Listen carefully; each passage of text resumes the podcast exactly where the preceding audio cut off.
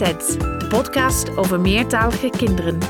Mijn naam is Sharon Answorth, taalwetenschapper aan de Radboud Universiteit Nijmegen en moeder van twee meertalige kinderen. Daar zijn we weer met een nieuwe aflevering van Kletsets. Dit keer hebben we het over meertaligheid en dyslexie. Tussen 5 en 10 procent van de bevolking heeft dyslexie. En in deze aflevering gaan we hier meer over leren. Wat is dyslexie precies? En wat betekent het voor het leren lezen in twee talen? We horen ook het tweede klets inkoppertje. Een concrete tip die je meteen en makkelijk in kunt zetten om een succes te maken van de meertaligheid in jouw gezin, klas of praktijk. We gaan zo meteen door met de podcast, maar eerst wil ik Eva bedanken voor haar bijdrage via Vriend van de Show. Wil je ook vriend van de show worden? Dat kan door naar vriendvandeshow.nl slash kletsets te gaan. De link staat ook in de show notes. Daar kun je de podcast ondersteunen door een klein bijdrage te doneren. Het is een beetje een gedoe omdat je een account moet aanmaken. Helaas kan ik daar niks aan doen, maar het is zo gepiept en ik ben even en de andere vrienden van de show heel dankbaar. In het bijzonder de organisatie 1801 Onderwijsadvies. Veel dank voor jullie gulle bijdrage. Oké, we gaan nu door met de podcast. Het leren lezen gaat niet alle kinderen even makkelijk af. Sommige kinderen hebben echte lees- of spellingproblemen. Ze hebben moeite met het herkennen en leren van letters. Ze verwisselen klanken of letters of lezen heel langzaam. Met goede begeleiding gaat dit vaak over, maar bij sommige kinderen toch niet. Bij hardnekkige problemen met het lezen en spellen is er mogelijk sprake van dyslexie. Maar wat is dyslexie precies? En als een meertalig kind dyslexie heeft, gaat het lukken om in beide talen te leren lezen? Werkt dyslexie hetzelfde in alle talen? Dus bijvoorbeeld ook in talen met een andere schrift. Wat kun je doen als ouder, leerkracht of logopedist om meertaalkinderen met dyslexie te ondersteunen? In deze aflevering van Kletset gaan we deze vragen beantwoorden met hulp van Elise de Bree, hoogleraar op het gebied van taalontwikkelingsstoornissen aan de Universiteit Utrecht. Ik begon door Elise te vragen wat dyslexie precies is. Nou, dyslexie heeft te maken met uh, lezen en spellen. Dus, de, dus het, eigenlijk gaat het erom dat we het lezen en spellen niet goed gaat. En dat betekent dat er het lezen en spellen wordt aangeleerd. En ondanks dat het goed wordt aangeboden, blijven de problemen aanwezig. Dus er zijn ernstige problemen met het lezen en het spellen. En ze zijn hardnekkig. Dus ondanks dat alles aan gedaan wordt om dat uh, leren goed te laten gaan, blijven de kinderen daar problemen mee houden. Dus het heeft echt te maken met het leesproces en het spelproces zelf. En het heeft bijvoorbeeld niet te maken met dat een kind neurologische problemen heeft, waardoor er problemen zijn in het kunnen verwerken. Of dat een kind niet naar school is gegaan en daardoor niet heeft kunnen leren lezen en spellen. Het heeft echt met het leren van dat proces zelf. En het lezen natuurlijk zelf is, ja, heb je natuurlijk eerder een hele mooie podcast over uh, gehad met Ludo. En het is een kunstmatig iets, hè, lezen en spellen. Het is een schrift, uh, dat hebben wij zelf als mensen uitgevonden, een cultureel uh, product. En dat betekent dat we, we willen eigenlijk wat we gesproken aan taal hebben, willen we eigenlijk ook geschreven kunnen doorgeven. Zodat je, uh, je hoeft niet altijd met elkaar te praten, maar je kan ook een geschreven gesprek hebben eigenlijk. En je kan informatie ook op een geschreven manier tot je nemen of zelf weergeven. Dus dat is een heel kunstmatig proces. Dus je moet een, ja, leren dat die gesproken taal te koppelen is aan de, aan de geschreven taal. Dus daar moet je voor klanken leren onderscheiden in woorden. Je moet die klanken kunnen koppelen aan letters. Dus die letters moet je herkennen. En uiteindelijk moet je die woorden dan kunnen lezen die daar staan. En als je de woorden eerst leert langzaam goed te decoderen, dus letter voor letter leert te lezen, dan kan je die woorden op een gegeven moment sneller herkennen. En dan kan je op een gegeven moment natuurlijk zinnen gaan lezen en dan kan je teksten gaan lezen. En het doel is natuurlijk uiteindelijk dat we vloeiende begrijpende lezers worden. En daarvoor heb je dat technisch lezen en, en spellen nodig. En iemand met dyslexie heeft daar dus moeite mee. Oké, dus dat is het deel waar je problemen mee hebt als je dyslexie hebt. Ja, dat precies. Dan gaat het echt over de problemen met het lezen van woorden en het spellen van woorden. Dus het ja, vinden van de combinaties van de letters en de klanken. En uiteindelijk dus de woorden goed en uh, vloeiend lezen en de woorden goed kunnen spellen. En uh, hoe vaak komt het voor?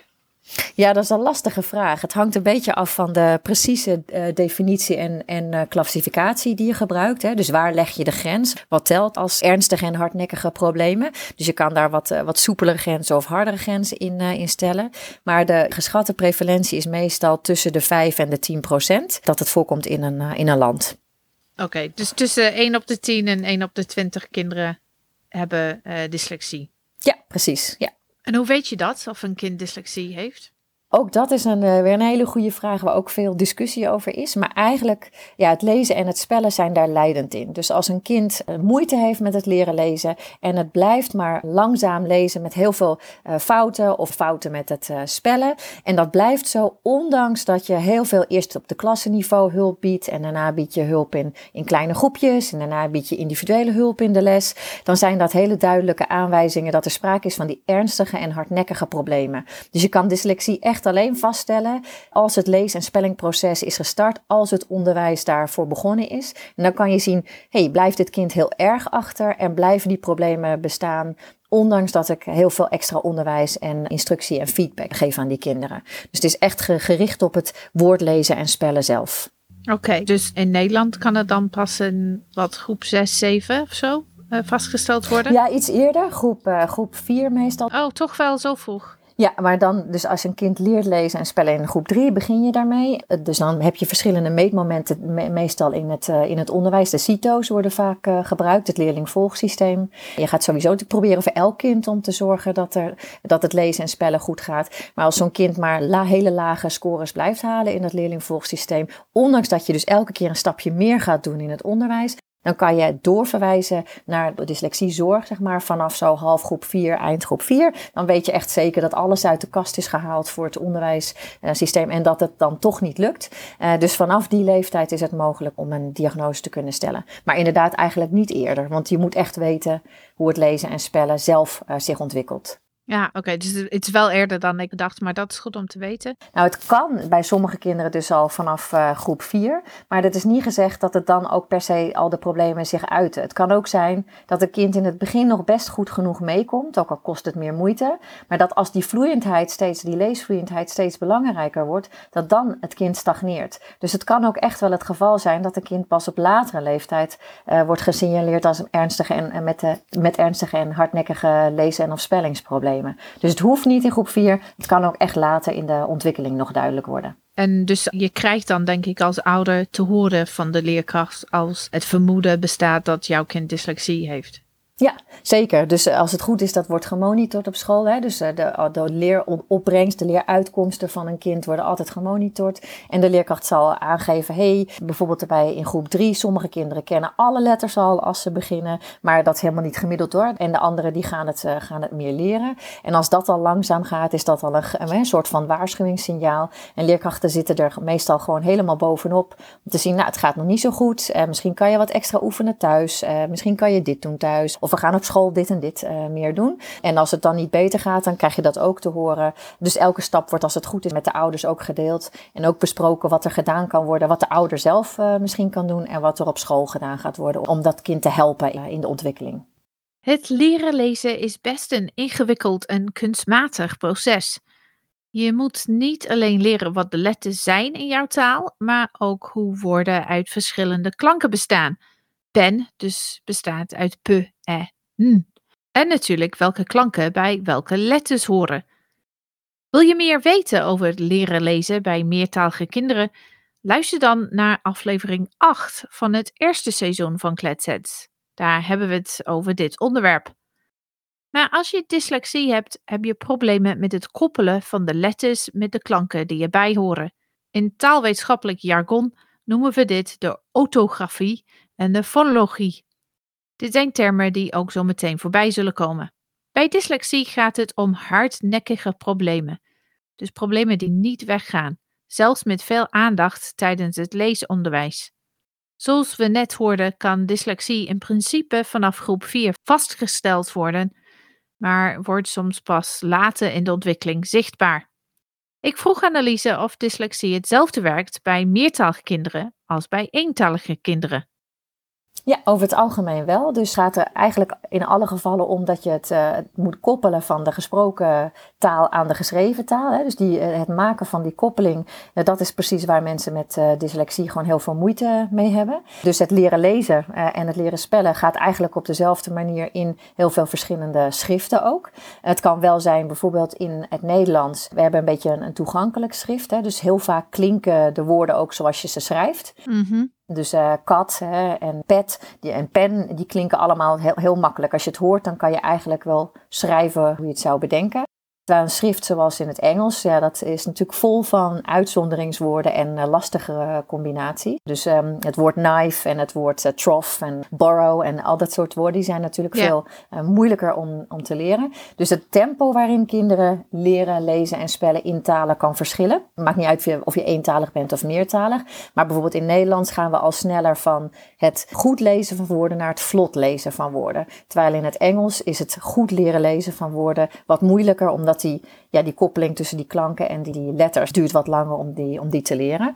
Maar in alle talen heeft dyslexie te maken met het koppelen van visueel en um, uh, spraakinformatie. En daar de betekenis vervolgens uit, uit kunnen halen. Dus is, in alfabetische schrift is dat eigenlijk altijd hetzelfde mechanisme. Dus als je dyslexie hebt als meertalig kind, dan heb je het in beide talen. Maar op welk moment je dat misschien ziet, is anders afhankelijk van welke talen dat zijn. Want sommige talen worden sneller geleerd om te lezen, dat bedoel ik dan, eh, dan andere. Ja, ja, precies. En, en ook hoe je het dus meet. Dus een Italiaans kind, hè, Italiaans is nog transparanter van orthografie dan het Nederlands. Die kinderen gaan over het algemeen al sneller naar vloeiendheid. Dus zal je ook de uitval sneller meten op het aantal woorden gelezen per minuut bijvoorbeeld. Terwijl in het Engels meet je, zie je het al, eh, omdat het aantal goed gelezen woorden überhaupt al een indicatie kan zijn van de problemen. Dus hoe je het meet hangt een beetje af van de orthografie en inderdaad van wanneer je het meet. Ja, ja en bij het meten of het... Uh diagnosticeren. Volgens mij is dat het, eh, de juiste term. Ja. Is het belangrijk om de andere taal van een meertaalkind erbij te betrekken? Of kan je dat, want ik weet, we hebben al eerder in de podcast gehad over taalontwikkelingsstoornissen. Nou, daar weet je ook alles van. Maar daar bij meertalige kinderen is het natuurlijk belangrijk om vast te stellen hoe de kinderen zich ontwikkelen in de andere taal. Want net zoals dyslexie, als je een taalontwikkelingsstoornis hebt in het Nederlands, je hebt het niet alleen in het Nederlands, je hebt het in beide talen. Ik vroeg me af of je daar ook iets moet doen met de andere taal bij het vaststellen van dyslexie.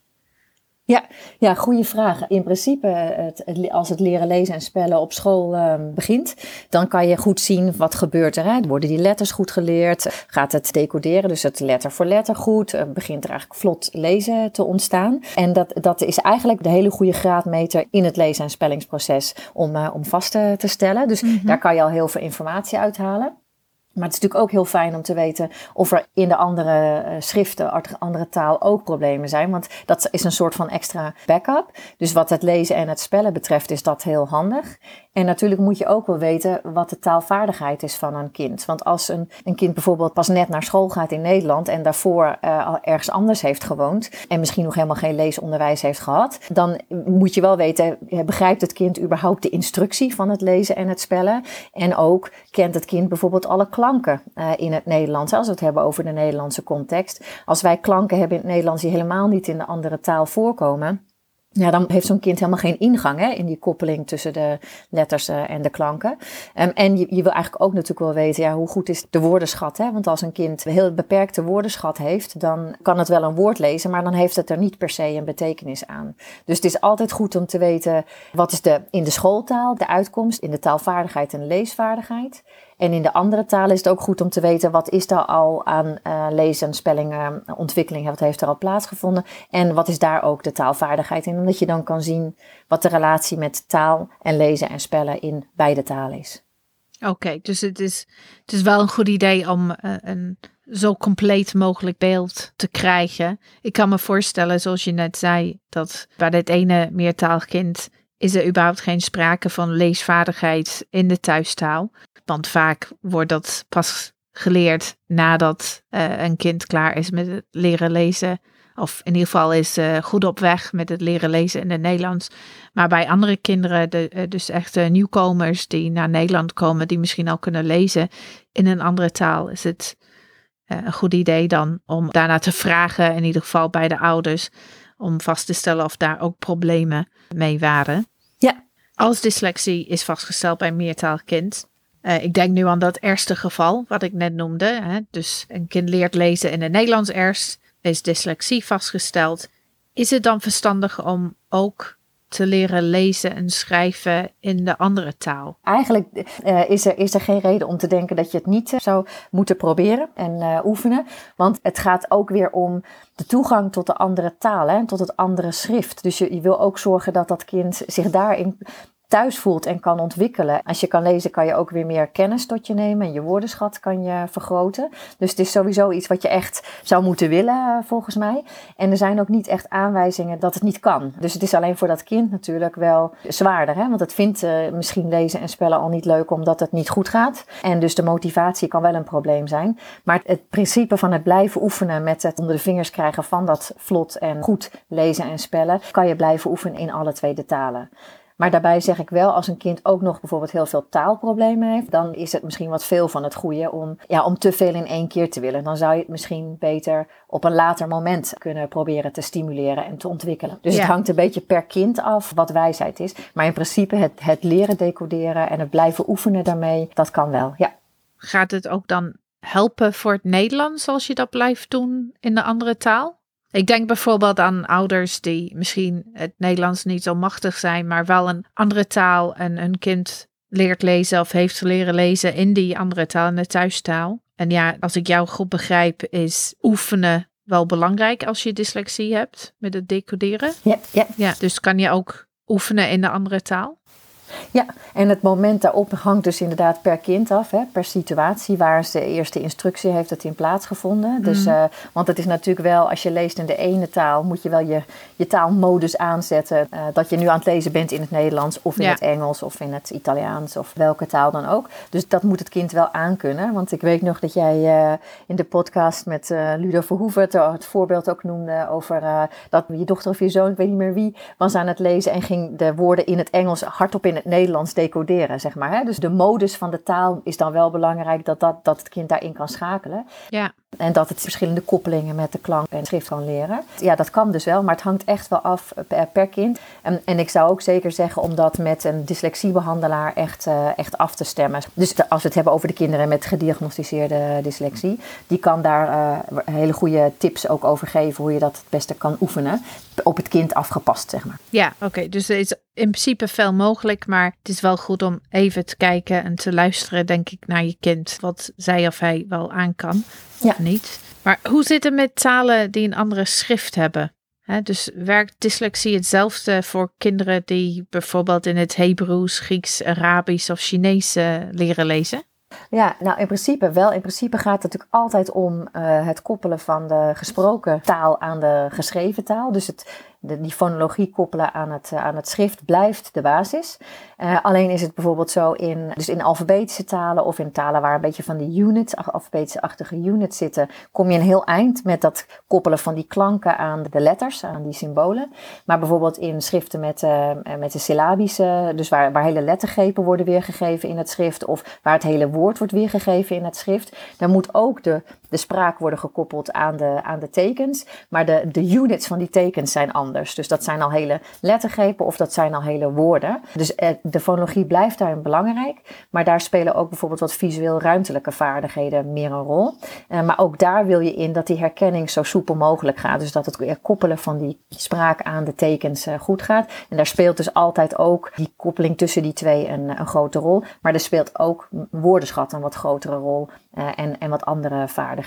Dus daar is die woordherkenning meteen op, op het hele woord gericht in plaats van op de losse stukjes. We laten het gesprek met Elise nu even om te luisteren naar ons tweede klets inkoppertje. Een concrete tip die je meteen en makkelijk in kunt zetten om een succes te maken van de meertaligheid in jouw gezin, klas of praktijk. Klets Kletset hebben we het vaker gehad over het belang van een rijk taalaanbod. Vooral in de thuistaal of talen, dus de niet-Nederlandse talen, is het belangrijk om voor genoeg taalaanbod te zorgen. Het is ook belangrijk om ervoor te zorgen dat kinderen zich bevinden in situaties waarin ze hun thuistaal moeten gebruiken. Wil je dat ze dit actief, dus daadwerkelijk gaan doen? Dat kan zeker een uitdaging zijn als jij als ouder naast je moedertaal ook Nederlands begrijpt.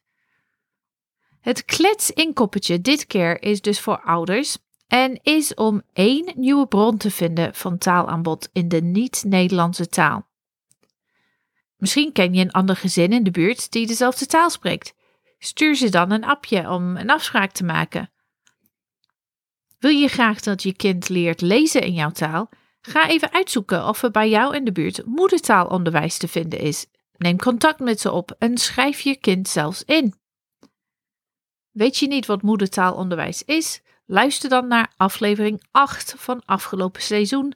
Dat is de aflevering over tussentaalinvloed. En daar spreek ik ook met Gizi Canazaro over Heritage Language Schools, dus moedertaalonderwijs.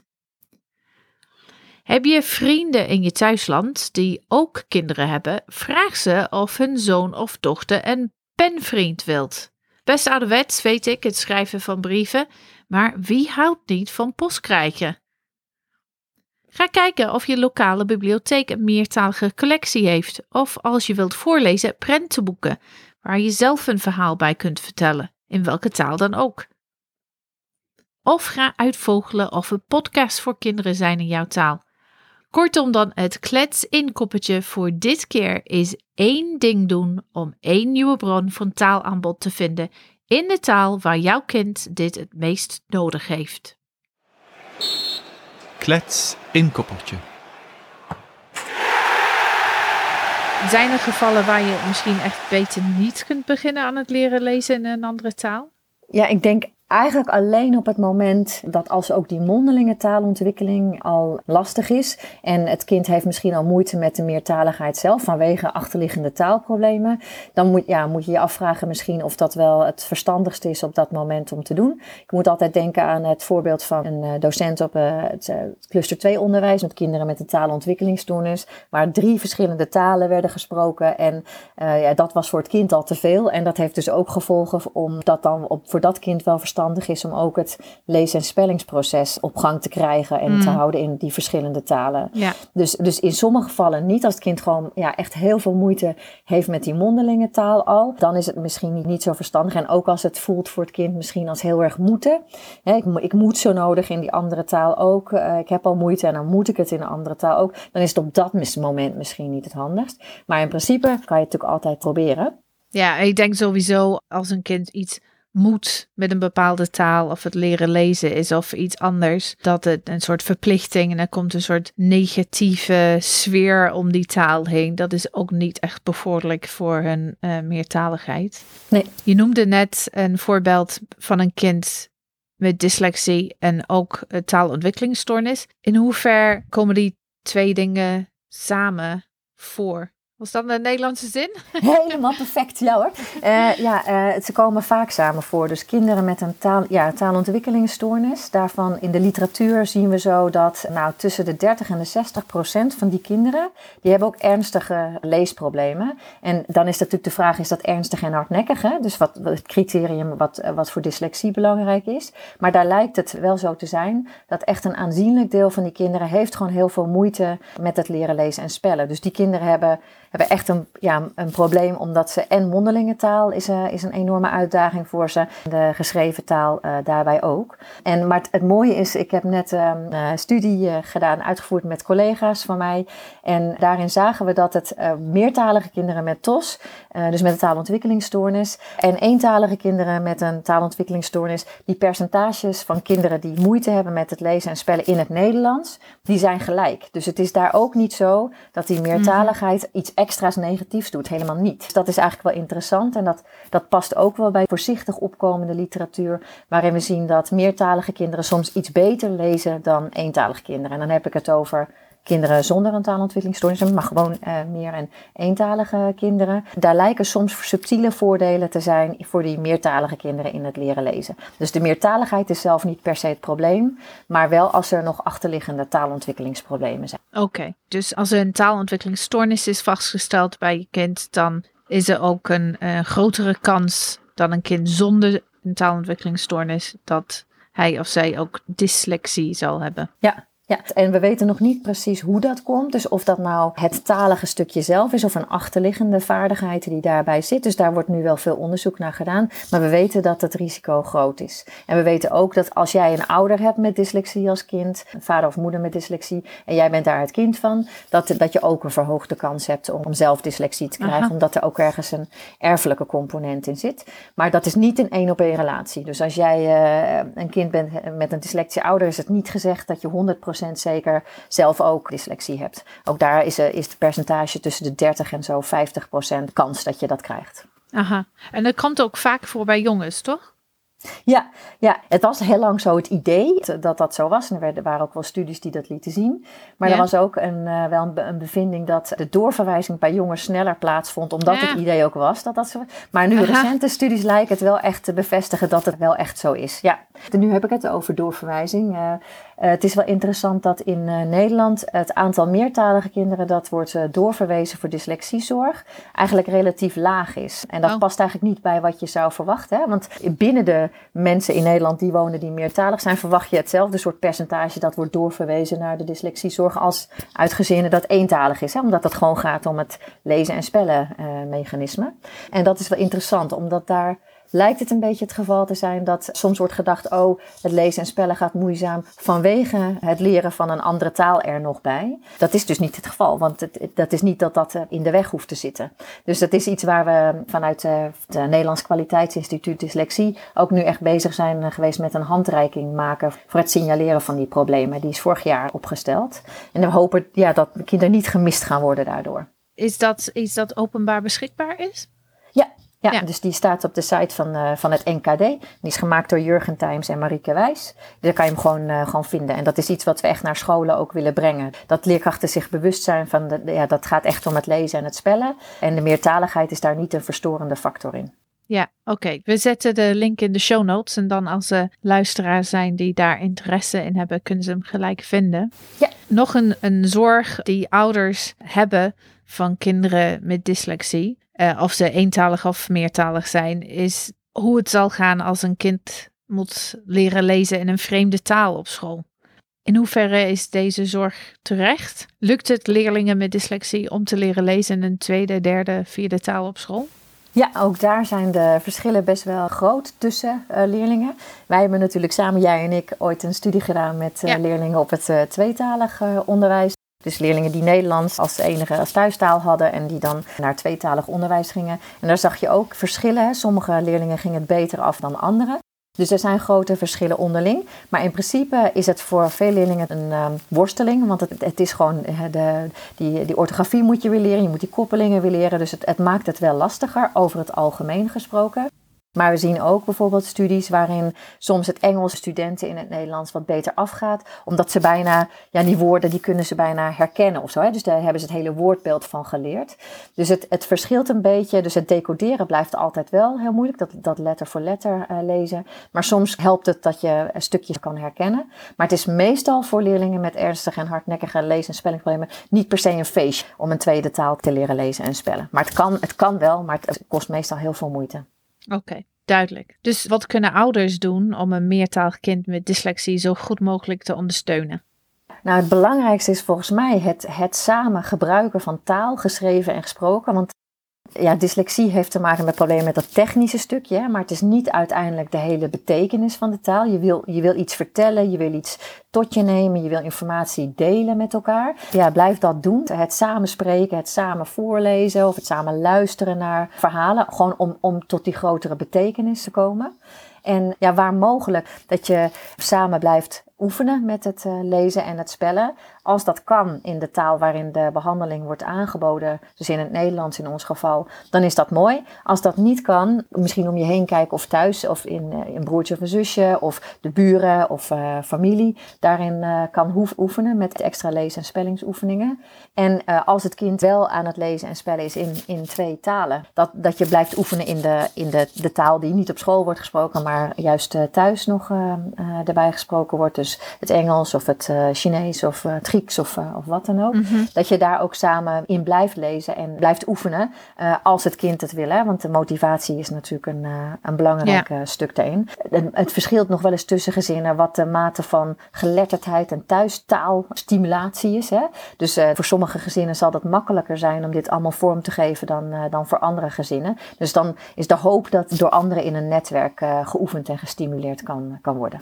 Ja, en over dat stimuleren van taal in het algemeen, hè, dus wat je aan het begin zei, dat kan in welke taal dan ook. Ja, zeker. zeker. En dat is, eigenlijk wil je dat natuurlijk in de taal die je zelf uh, als ouder het, uh, het liefste spreekt. Want het, het, gaat om de taal, maar het gaat natuurlijk uiteindelijk om de verbinding die je met elkaar hebt. Hè? En, en de communicatie onderling, de affectie. En natuurlijk het leren van de culturele uh, waarden die horen bij de, bij de andere taal. Ja, en dan heb je tips ook voor leerkrachten en logopedist. Dus uh, is er iets waar zij rekening mee uh, kunnen of moeten houden bij meertalige kinderen met dyslexie? Je hebt een paar genoemd, maar misschien kun je die even samenvatten voor ons.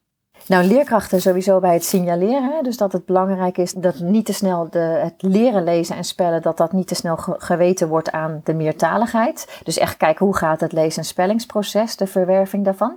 En in de ondersteuning daarvan is waarschijnlijk, zijn dezelfde principes uh, gelden voor één en meertalige kinderen. Ja, dezelfde oefening, dezelfde stimulering aanbieden uh, in dat mechanisme. En wel als een leerkracht opmerkt, hé, hey, er zijn toch ook echt wel taalproblemen die in de weg zitten, dat daar dan de juiste ondersteuning en hulp uh, voor wordt geboden. Dus dat je ja, uit elkaar trekt wat is het lezen en spellen en wat is de mondelinge taalcomponent daarin. En voor logopedisten, ja, die doen het denk ik net zo goed als de leerkrachten natuurlijk al heel veel doen. echt het kijken, wat zijn de mondelinge taalproblemen. Hoe zitten die eventueel het lezen en spellen in de weg? Ook daar het uit elkaar trekken van de twee. En het, en het aanpassen van het aanbod. Dus als het bijvoorbeeld als er taalproblemen zijn, ja, dan zal je eerst op een ander niveau moeten zorgen dat, er, uh, dat de woordenschat verworven wordt. Dat er de klanken bekend zijn in de taal. En dan pas het, het uh, koppelen weer gaan, aan het schrift weer gaan, gaan oefenen. Dus ja, echt die meertaligheid speelt wel een rol. Maar je moet het een beetje lostrekken van het lezen en het spellen. In deze aflevering van Kletset hebben we geleerd dat als je dyslexie in de ene taal hebt, heb je het ook in de andere.